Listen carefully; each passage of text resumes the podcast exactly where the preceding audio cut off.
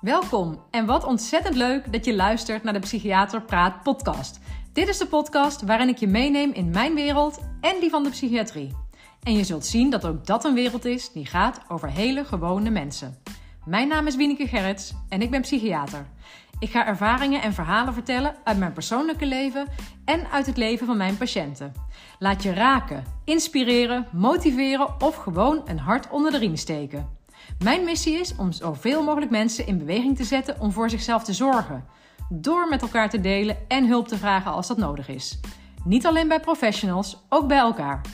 Zo maken we samen het leven wat draaglijker en onszelf of de ander soms gewoonweg een stukje gelukkiger. Heel veel luisterplezier!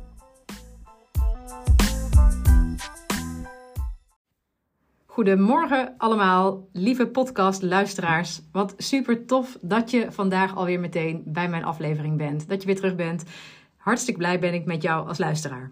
Vandaag ga ik het hebben over wat je in de titel al zag. Ehm, zouden we niet eens wat minder moeten praten over onze mentale gezondheid? En dat klinkt misschien een beetje tegen natuurlijk uh, uit de mond van een psychiater. Uh, maar ja, ik denk ook dat dit een waarheid is. Ik denk ook dat dit iets is waar je naar zou mogen luisteren. Um, want ik geloof erin dat er ook soms te veel gepraat wordt.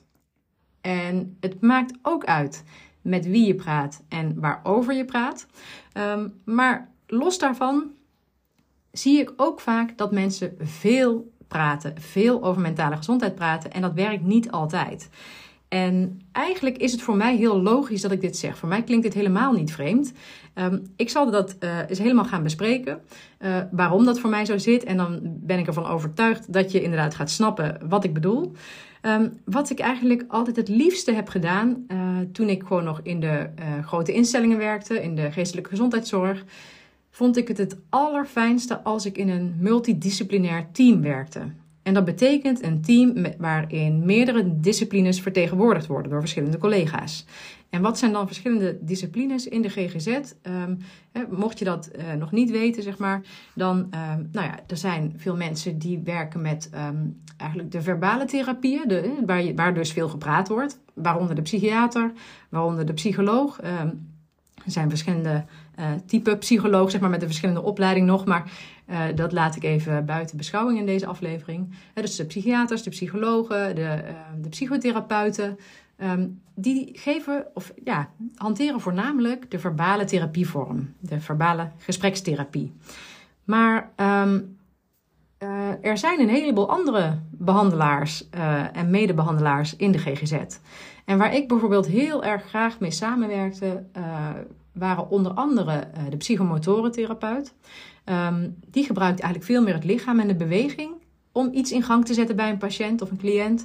Hè, om daarmee uh, um, contact te maken met misschien met pijnlijke emoties of, um, of met eigenlijk ongewenst gedrag, zeg maar, om dat in beeld te brengen via het bewegen, via het sporten en het spel wat erin terugkomt. En, of om, om via het bewegen uit te komen, juist bij allerlei belemmerende of nare gedachten die iemand heeft, of opgeslagen emoties. Ik heb daar in de aflevering over trauma ook wel eens wat over verteld. Hè, dat ook juist hele nare ervaringen en, en emoties die daarmee gepaard gaan, als het ware opgeslagen kunnen raken in het lijf, waardoor bijvoorbeeld veel spanning ontstaat of pijnklachten ontstaan.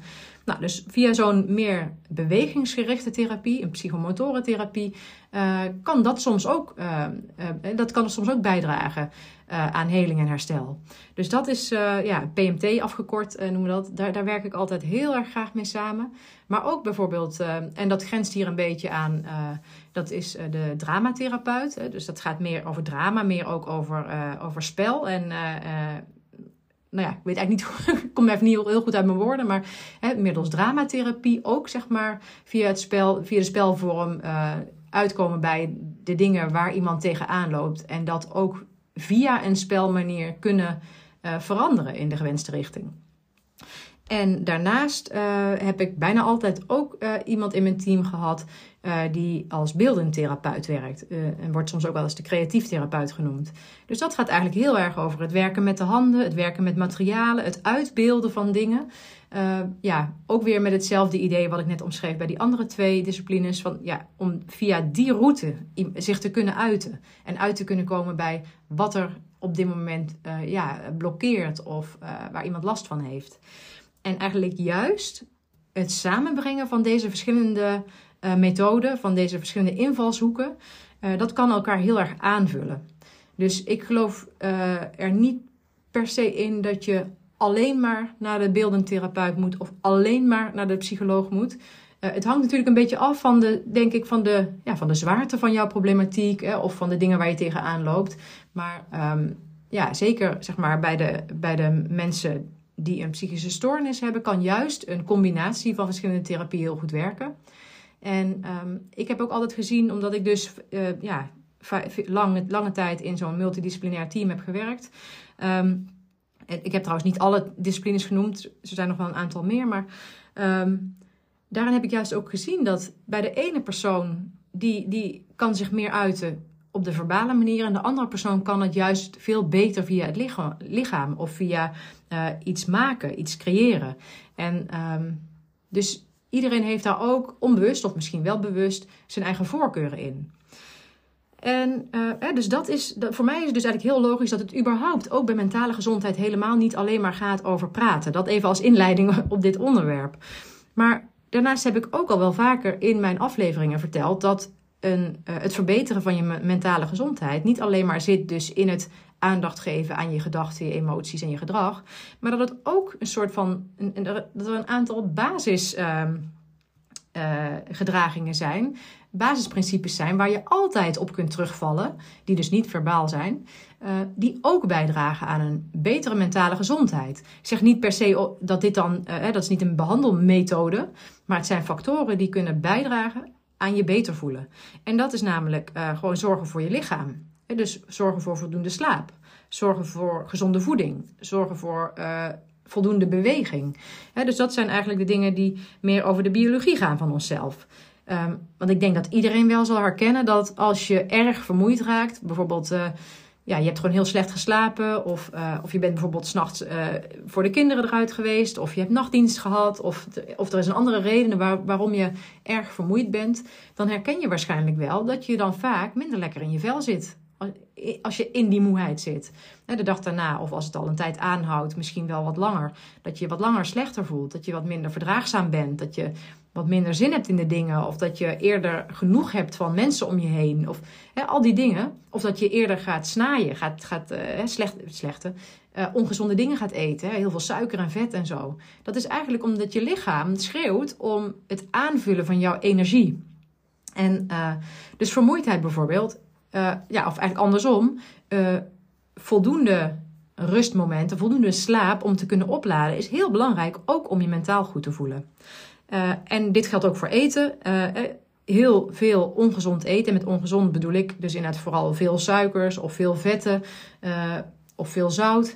en nou ja, maar een gebalanceerde, gezonde voeding die helpt ook om je beter te voelen, fysiek fitter te voelen. Maar dat grijpt dus allemaal op elkaar in. Je voelt je gewoon beter als je je lichaam goed verzorgt. En dus ook dat als je voldoende in beweging bent. En stel dat je een heel passief beroep hebt, in de zin van dat je heel veel zit, hè, of heel, heel uh, veel in één houding bent, heel veel staat. Dan is het echt belangrijk om daar ook een beweging aan toe te voegen. Kijk, als het al vanzelf in jouw dag zit, dan, dan is dat mooi. Dan heb je die beweging al te pakken. Maar juist wanneer je misschien een, uh, een daginvulling hebt waarin je weinig beweegt, is het echt belangrijk om te kijken hoe je daar wat beweging aan kan toevoegen. Hoeft allemaal niet groot en ingewikkeld te zijn. Dat zeg ik heel vaak. Het kan echt super makkelijk zijn. Uh, doe je dagelijkse boodschap bijvoorbeeld gewoon te voet naar de winkel. Of ja, misschien bestel je je boodschappen wel via de online uh, wereld tegenwoordig. Maar zorg dat je dingen die, uh, die haalbaar zijn, af en toe eens te voet doet in plaats van met de auto. Nou, uh, en daarnaast, uh, dus dat ging over het lichaam. Daarnaast uh, kun je ook op een niet-verbale manier aandacht geven aan je binnenwereld, aan je emoties, aan je gedachten. En dat kan bijvoorbeeld um, door te mediteren of mindfulness oefeningen te doen. dus om je op zich wel naar binnen te richten, wel stil te staan bij ja, bij hoe je je voelt, wat er in je omgaat, wat er in jou leeft, maar daar niet per se over te praten. En schrijven is ook een manier waarop dat heel goed werkt. Dat is natuurlijk wel al een talige manier om ermee om te gaan, maar is toch anders dan praten over. En daarnaast is het ook belangrijk, hè, ook zo'n basisfactor waar je altijd aandacht aan kunt geven, waar, die je altijd zal helpen je beter voelen. Tenminste, ja, wacht even, ga ik dadelijk nog even toelichten waarom ik nu aarzel, maar is uh, zorgen dat je sociale verbinding hebt. Zorgen dat je niet vereenzaamt, dat je niet alleen maar in je eentje terugtrekt, hè, maar dat je contact maakt met andere mensen. Hè, dat gaat gewoon over onder de mensen zijn. Het hoeft, en dat, want het gaat dan dus niet per se over het praten met elkaar of over het praten over jezelf, maar zorg dat je onderdeel van bent ergens van.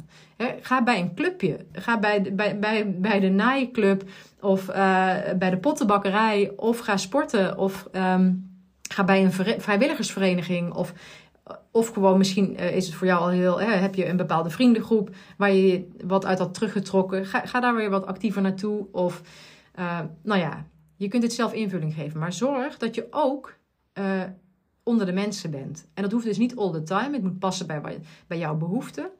Um, en waarom ik net aarzelde was, ja, natuurlijk kun je ook in contact met andere mensen juist uh, last krijgen. Hè? Kun je, kan er juist iets getriggerd raken? Misschien juist dat je je anders voelt of buitengesloten voelt. Of ben je gevoelig voor wat andere mensen tegen je zeggen? Dat snap ik. Dus het is niet uitsluitend uh, uh, louterend, zeg maar, onder de mensen zijn. Maar het is, ik bedoel het in deze context meer als tegenhanger tegen je isoleren. Isoleren is, is echt slecht voor je mentale gezondheid. En ik weet ook dat het zijn redenen kan hebben. Soms ben je bijvoorbeeld heel angstig om je in sociale omgevingen te begeven. Dus ik veroordeel dat niet. Maar weet dat in een sociale context zijn helpend is om je goed te voelen. Nou, hoe kom ik nou eigenlijk op dit onderwerp? Hoe kom ik hierbij? Dat is omdat ik een tijdje geleden, een aantal weken geleden, uh, via iemand die ook mijn podcast luistert, um, een artikel toegestuurd kreeg. Uh, ik ga haar ook even noemen, want ik vind het heel leuk waar zij zich uh, mee bezighoudt. Het is een beetje koren op mijn molen, zeg maar. Uh, zij heet Ellen Bakker Denissen. En zij, je kunt haar vinden op Instagram en op LinkedIn onder andere. zij maakt zich hard voor het bespreekbaar maken van psychische ongemakken op de werkvloer. En dan voornamelijk juist richting directe collega's. Of juist van een teamleider naar, naar mensen in, in zijn of haar team. En um, zij heeft daar een eigen persoonlijk verhaal uh, over en achter. dat ga ik nu niet helemaal delen, dat vind ik ook meer aan haar. Maar je kunt dat wel vinden. Uh, ook, ze heeft een website, het verhaal achter de cijfers.com. Uh, daar kun je haar vinden. en zij heeft een verschillend aanbod. Ze, ze, kan lezingen geven of ze kan een sessie doen met teams op de werkvloer en zo. Omdat zij. dus eigenlijk gaat het haar ook om het doorbreken van het taboe op mentale hè, dat je daar toch ook in een werksetting vaak, uh, dat mensen daar weinig open over durven te zijn, of willen zijn, of kunnen zijn. Uh, en dat soms ook namelijk de ontvanger ook niet goed weet wat hij ermee moet als je daar iets over zegt. Um, nou, met haar raakte ik in contact. Zij uh, heeft ook, um, uh, hoe zei zij, is ook ingegaan op het aanbod wat ik deed in mijn 40ste aflevering. Toen ik feest vierde dat ik mijn eerste challenge had eh, bereikt. Hè, want voor de mensen die dat misschien niet hebben gehoord of geluisterd. Um, toen ik startte met de podcast was mijn doel uh, 40 afleveringen opnemen. Omdat dat voor mij een soort mijlpaal was. Waar ik naartoe wilde werken. Om dan te beslissen van vind ik, wil ik er graag mee doorgaan met het podcasten, ja of nee? Of valt het me tegen? Vind ik het niet leuk? Werkt het niet? Wat, wat dan ook? Dus dat was een soort feestelijke aflevering. En daarin uh, gaf ik weg, zeg maar, dat vier mensen ook um, een kwartier met mij uh, mochten zoomen. Om, uh, nou, gewoon om over wat dan ook te praten. En zij was een van de mensen die daarop inging. Dus ik heb haar toen gesproken. Vandaar dat ik um, ja, haar als het ware wat beter ken als luisteraar. En uh, zij stuurde mij dat artikel toe, want zij is natuurlijk ook iemand die juist zegt hè, van maak het bespreekbaar. Net zoals dat ik deze podcast ook maak, om juist het uh, het stigma te willen verminderen en meer uh, podium willen geven aan, ja, en aan mentale klachten of psychische stoornissen. Um, en dat artikel, oh ja, ik heb het nog niet eens genoemd, geloof ik. Um, dat was of is een artikel in de correspondent. En ik, ga het, ik heb het hier even openstaan op mijn computer. de titel is, het is trouwens van 16 mei. Um, en de titel is: Moeten we niet wat minder over onze geestelijke gezondheid praten? Nou, ik heb dat artikel gelezen uh, met veel interesse. Um, en vandaar dus ook de titel van mijn podcastaflevering en het onderwerp van vandaag. Um, en ik ben het er eigenlijk namelijk heel erg mee eens. En dat klinkt misschien toch inderdaad ja, tegenstrijdig, omdat ik juist zelf heel veel praat over mentale gezondheid en geestelijke gezondheid. Maar ik denk ehm, dat.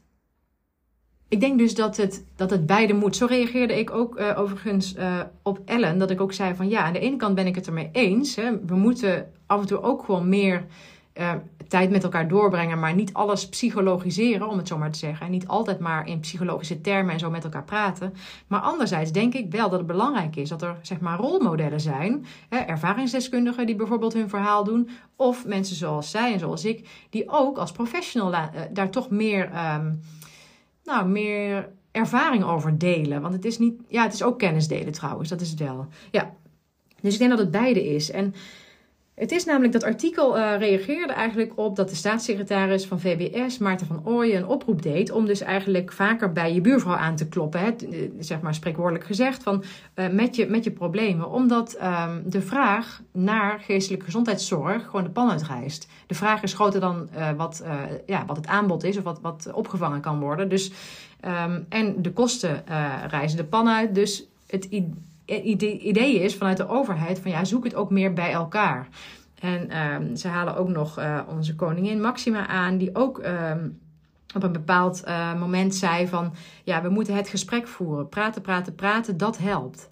En kijk, dat spreek ik natuurlijk in zekere zin niet tegen. Want zeker niet wanneer je praten ziet als inderdaad tegenhanger van stilte en verzwijgen. Dat is denk ik niet goed. Um, maar wat je nu ook ziet gebeuren, is dat het eigenlijk zo'n vlucht neemt. Kijk, heel lang um, was denk ik het praten over mentale gezondheid echt iets wat alleen maar binnenskamers gebeurde. Hè? Of tenminste grotendeels binnenskamers gebeurde. En dan bedoel ik binnen de professionele kamer, de therapiekamer. En steeds meer en meer komt er een soort uh, awareness, hè? Een, een, een, een, groter bewustzijn van ons. Dat we denken van, hé, hey, uh, er is wel iets aan de hand met onze mentale gesteldheid, gezondheid. Dus daar willen we graag iets aan doen. En heel veel mensen uh, bieden zich dan ook aan. En bieden zich ook aan aan elkaar. En gaan met elkaar in taal praten die tot die lange tijd eigenlijk gereserveerd was voor de psychologen en de psychiaters en de psychotherapeuten. En op zich is dat niet erg, denk ik. Kennis verspreiden mag best. Maar je ziet zeker in de sociale media nu dat, het, dat er ook echt in mijn optiek dan echt een loopje mee wordt genomen. Er wordt echt. Um, nou ja, ik, een, hele tijd geleden, dus misschien al een jaar geleden of langer geleden, dat ik een keer zo'n filmpje zag van iemand die zei van ik heb een tik of zo. En die liet dan bepaalde tics zien op, op TikTok, geloof ik. Dat is echt een woordspeling. Kan ook op Instagram geweest zijn, maar... Um, en dat er eigenlijk wordt gezegd van wil je weten of je dit hebt, uh, doe dan deze test. En dan kan het echt gaan over van uh, wil je weten of je uh, autisme hebt of wil je weten of je een depressie hebt. Of... En dat zijn dan eigenlijk hele, nou ja, soort van uitgeklede vragenlijsten. waardoor mensen een soort antwoord krijgen van ja, je zou wel eens depressief kunnen zijn. Of ja, het kan zijn dat je autisme hebt. Maar dat zijn niet helemaal, gestanda helemaal niet gestandaardiseerde of gevalideerde uh, meetinstrumenten. Dus ik denk echt dat veel mensen daarmee op het verkeerde spoor worden gezet. En daarnaast um, is het ook zo dat de termen eigenlijk, dus de, de, de meer psychologische of, of psychiatrische termen, ook onderhevig zijn aan een soort inflatie, omdat ze juist zoveel gebruikt worden. Het is nu heel makkelijk om. Uh, uh, in een bericht of zo een hashtag te zetten met, uh, nou ja, noem maar een term. Hè. Sowieso mentale gezondheid wordt heel veel gebruikt als hashtag. Maar ook uh, angst of angststoornissen of hypochondrie of, of depressie of burn-out. Of, nou ja, ga zo maar door. Waardoor het, denk ik, nou ja, wat ik net al zei, aan inflatie onderhevig is. Dat we eigenlijk dat steeds meer mensen gaan denken: oh, dat heb ik ook. En aan de ene kant is dat ook zeg maar prettig. Mensen willen graag zich herkennen ergens in. En willen, herken, ja, willen het snappen, willen herkend worden, willen ergens bij horen. Maar als het gaat om dit soort stoornissen, denk, ja, vind ik het een slechte beweging. Want ik denk dat klopt helemaal niet. Dat is een soort overschatting van de problemen. Wat ik ook merk als het gaat om dit soort termen, is dat ik, uh, nou recent, ik ben met een grote groep uh, vrij gevestigde psychiaters in contact. Hè, dus mensen die niet in een instelling werken, maar net zoals ik als zelfstandige werken. zijn met een grote groep mensen in Nederland, uh, sta ik in contact. En daar um, begreep ik laatst dat er steeds vaker um, verwijzingen zijn met mensen die eigenlijk zelf zeggen van ja, want ik heb last van depersonalisatie of derealisatie. Nou, voor mij zijn dat hele bekende termen. Misschien voor jou ook, misschien zegt je helemaal niks. Ik kan het eigenlijk helemaal gaan uh, uitleggen, maar dat is eigenlijk niet het punt wat ik wil maken. Als je het wil weten, kun je het googlen. Want echt alles wat je aan kennis wilt, uh, alles kun je vinden op internet of in boeken. Ga maar naar de Biep of ga naar Google of wat dan ook. Uh, vul een term in en ja, afhankelijk van jouw kwaliteiten als zoekstrateeg kun je alle informatie die je wil hebben vinden. Um, maar het, gaat niet over die term, maar het gaat erom dat mensen zelf komen met een bepaalde stoornis of een bepaald symptoom en zeggen: Dit heb ik en daar wil ik behandeling voor. Terwijl dat ook met regelmaat toch niet helemaal op de juiste manier geïnterpreteerd of gebruikt wordt. Dus. Um, en soms, want bijvoorbeeld deze uh, symptomen, derealisatie of depersonalisatie, zijn uh, ja, symptomen zou je kunnen zeggen, ervaringen die mensen kunnen hebben, belevingen, uh, die bij allerlei verschillende soorten psychische stoornissen kunnen voorkomen. En um, dus het kan bijvoorbeeld bij, bij persoonlijkheidsstoornissen voorkomen, bij psychotische stoornissen, uh, bij trauma-gerelateerde stoornissen. En ook dat zijn natuurlijk vooral um, theoretisch wetenschappelijke constructen. Dus um, ja, hoe zeg je dat? Het, het is een symptoom die we proberen te begrijpen in onze uh, aardse taal, zeg maar. Dus de belevingswereld. Maar die hebben we wel onder grote groepen mensen onderzocht. En nou ja, het wordt gewoon met regelmaat niet op de juiste manier gebruikt. En daarom ben ik het eens zeg maar, met dit artikel. Dat ik denk, ja, er wordt nu wel heel veel gesproken over geestelijke gezondheid. En dan ook met alle vakjargon en terminologie. Uh, die vaak niet in een juiste context geplaatst kan worden. Omdat iemand niet de achtergrond heeft, niet de opleiding heeft, niet de ervaring heeft. Um, dus ik zou op dat vlak zeggen van, ben daar voorzichtig mee. Want ik denk ook dat je de schade mee kunt aanrichten. En de schade zit kan hem erin zitten dat, um, ja, dat iemand een label op zichzelf gaat plakken of zichzelf gaat begrijpen op een manier die misschien ja, niet helemaal um, passend is bij wat er met iemand aan de hand is. Kijk, dus als iemand hulp gaat zoeken uh, voor datgene wat hij meent te hebben, dat is waarschijnlijk goed. Want dan kom je uiteindelijk in een circuit waarin er hulpverleners komen die, als het goed is, met je gaan kijken van, hè, klopt het waar, je aan denkt? En hè, is het de bedoeling om juist samen eruit te komen? Of hè, wat er aan de hand is en wat de oplossing daarvoor kan zijn. Maar ik denk ook dat, um, dat we elkaar daarmee ook wat zieker kunnen maken. dat we ziekte kunnen aanpraten, als het ware. En daarom denk ik, we moeten wat minder praten. En um, Even kijken hoe ik de brug ga maken naar het volgende wat ik wilde vertellen. Want ik heb een aantal aantekeningen gemaakt hierover. Ja, het gaat dus over. Deze aflevering gaat over praat eens wat minder. En um, ik heb me ook proberen te bedenken van, oh ja, maar wat is mijn boodschap dan? Want ik, ja, ik praat natuurlijk de hele tijd in deze podcast en ik deel heel veel kennis eigenlijk die ik heb en ervaringen. Het is dus ook inderdaad niet mijn doel om hier allemaal droge kennis te verspreiden. Wat ik net al zei, als je echt meer kennis wilt, je kunt ieder psychologieboek, ieder psychiatrieboek wat ik in mijn kast heb staan, zeg maar, kun jij ook kopen. Dus als het om kennis gaat, ja, dan hoef je eigenlijk niet bij mij te zijn, denk ik altijd. Want dat kun je ook elders vinden. Uh, tenzij je het gewoon heel leuk vindt om naar mij te luisteren, dan is het natuurlijk wel heel prima dat je dat doet. Maar ik probeer het juist altijd veel meer te koppelen aan iets wat, wat je kunt meevoelen, als het ware. Wat, wat aan ervaringen gekoppeld is, aan voorbeelden van, uh, nou ja, van mezelf of van, van cliënten of patiënten. Uh, zodat de kennis ook wat meer gaat leven, dat het niet een droge stof wordt. En daar praat ik veel over. En soms noem ik inderdaad dan ook wel vakjargon. Uh, omdat het ten eerste mijn kapstok is hè, om dingen te begrijpen en daarover te kunnen vertellen. En omdat het misschien ook wel kan helpen in jouw begrip over jouzelf of over iemand die je kent of over dit onderwerp wat je interessant vindt. Maar het is niet mijn intentie om daarmee um, allemaal van jullie, allemaal zeg maar uh, in de verlengde arm hulpverleners te maken. Daar gaat het helemaal niet om. Eigenlijk is mijn podcast voornamelijk gericht op het uh, nou ja, vergroten, ja, de empowerment van mensen zelf. Want dat is namelijk wat ik meen dat haalbaar is via dit medium. Ik kan heel veel kennis en ervaring delen en daar kun jij iets uithalen voor jezelf, wat jou misschien meer kracht geeft, hè, meer, meer inzicht geeft en meer tools geeft om, um, nou ja, om ofwel te werken aan je eigen gezondheid, je mentale gezondheid, of uh, die van de wereld om jou heen. En um, in deze, deze podcast is natuurlijk niet een manier om mensen te behandelen. Dat, hè, dat doe ik als psychiater, dat doe ik als ik mensen één op één of groepsgewijs uh, behandel of coach. Dan uh, ben ik bezig met het werken met iemand. En in het werken met iemand, dan gaat het heel vaak over. Wat ik natuurlijk wel een beetje probeer in deze podcast ook, hè, maar dat is toch gewoon een, ja, een, een, een, een afgeleide van het, van het werken met iemand.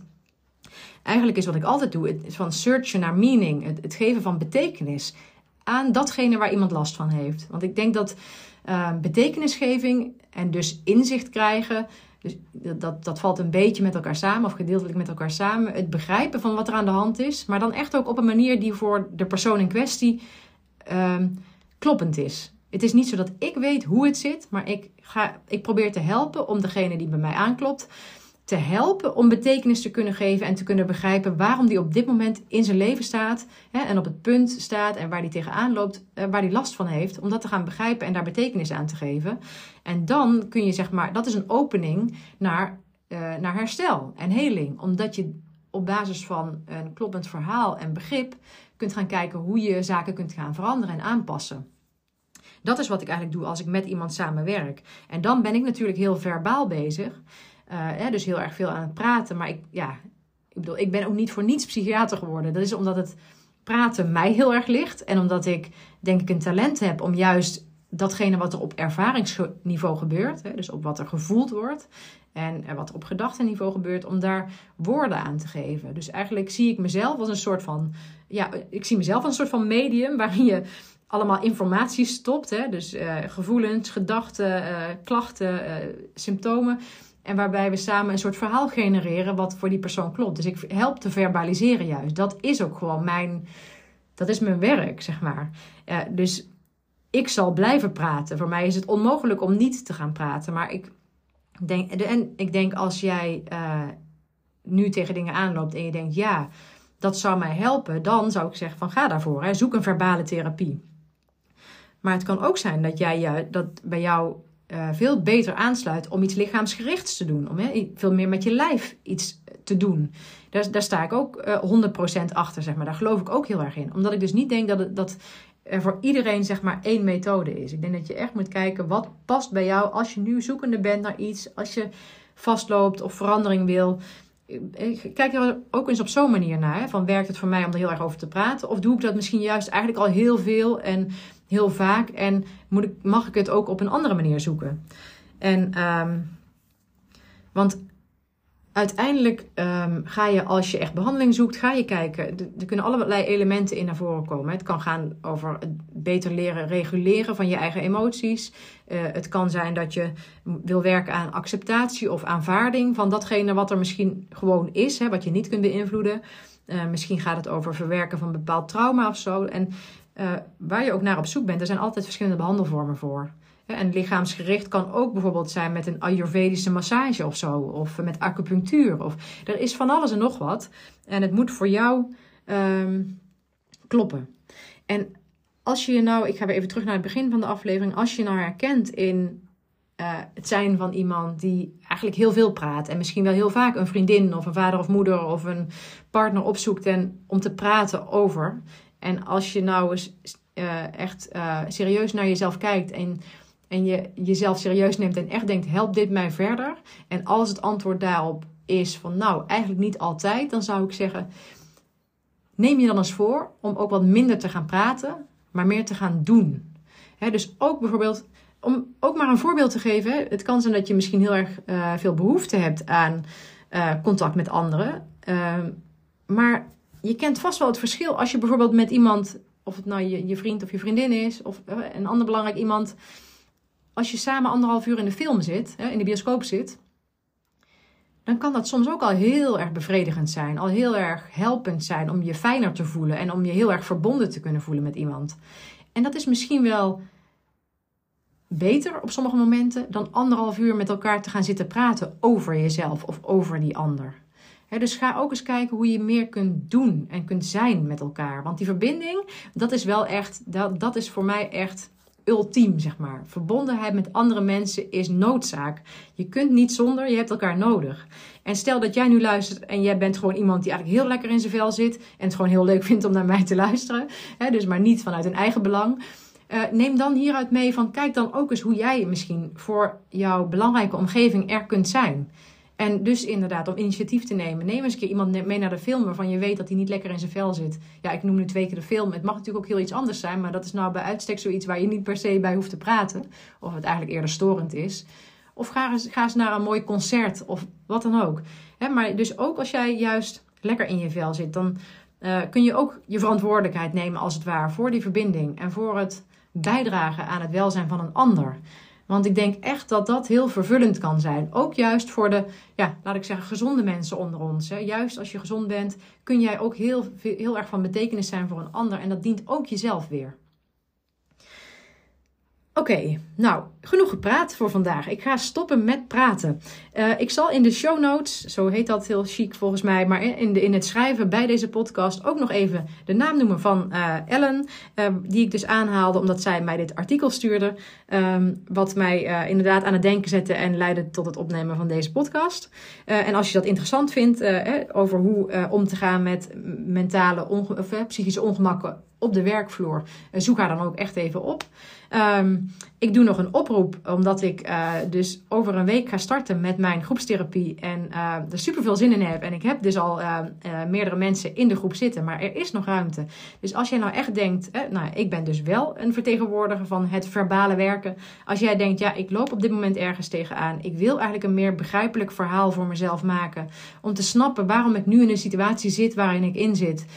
en ik wil daar iets aan gaan doen. Ik wil eigenlijk vanuit een eigen beweging, vanuit eigen verantwoordelijkheid, zeg maar, gaan werken aan uh, me beter voelen, aan een andere richting geven aan mijn leven die beter past. Als je daar geïnteresseerd in bent, neem dan even contact op. Want uh, nou, ik zei het net al, maar ik heb nog een plekje, dus ik zou het super leuk vinden als, uh, als je aansluit. En daarnaast, um, ik zei laatst al dat ik um, dus inderdaad bezig was met het maken van zo'n stappenplan, die ik eigenlijk op schrift aan stellen was. Uh, en waar ik maar niet in vooruit kwam, zeg maar, ook een beetje perfectionisme, denk ik hoor. Dus ik moet ook mezelf een beetje begrenzen daarin. Maar ik noemde laatst dat ik dat misschien ga gieten in een verbale vorm. Ja, gaan we weer. Ik ben nu eenmaal een prater, hè, dus dat ik er misschien een geluidsopname uh, van maak. Of misschien zelfs een videofragment, daar moet ik even over nadenken. Uh, maar dat is dus een soort empowering zelf stappenplan wat je van mij kunt gaan krijgen. om um, ja, om jezelf ook al wat stapjes vooruit te helpen als jij nu, als het net niet stroomt, of als je vastzit, of als je uh, wat verbetering wilt in je, in je mentale welbevinden. Um, maar je kunt nu alvast een e-mail sturen naar mij, uh, naar info.wienekegerrits.nl. Uh, eh, als je daar interesse in hebt, want dan, kom ik, dan zet ik je gewoon in een lijst. En zodra dat ding af is, stuur ik hem naar je toe. Je kunt ook naar mijn website gaan. op de homepage, als je een klein stukje naar beneden scrolt, staat er ergens aanvraag stappenplan. Als je dat aanklikt, kun je dus je naam uh, uh, achterlaten en je e-mailadres. En dan uh, krijg ik dat berichtje ook binnen. Um, want dan ga ik je gewoon, zodra ik klaar ben, ehm, dat toesturen. Dat wordt als het ware dus een soort van niet voor iedereen openbaar document. Maar dat wordt als het ware een geheime podcast of een geheime video die ik ga sturen aan de mensen die aan mij hun interesse hebben um, kenbaar gemaakt. dus doe dat als je dat interessant lijkt.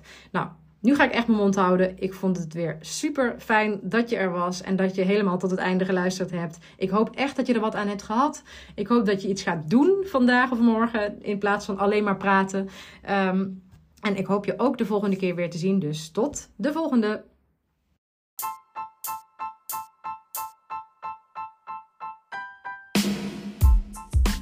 Ha, ik vind het echt super leuk dat je mijn aflevering beluisterd hebt. En nogmaals, heel erg bedankt daarvoor. Hopelijk heeft het je ook aangesproken. En wil je me dat laten weten? Dat kan via mail naar info.wienekegerrits.nl, een bericht via Instagram, waar ik te vinden ben onder Wieneke underscore of op LinkedIn onder mijn eigen naam. Ik vind het heel leuk om ook jou beter te leren kennen en te weten wie er luistert. Jij kunt ook anderen inspireren door mij te taggen, bijvoorbeeld in je stories of je feed op Instagram. En wat jij van mij kunt doen, is in jouw podcast-app waar je deze beluistert, een review achterlaten. Bijvoorbeeld een aantal sterren. Wil je dat doen? Zo kom ik erachter of en hoe mijn podcast gewaardeerd wordt en wordt hij beter vindbaar voor anderen. Overigens kun je je ook abonneren op deze podcast in je app.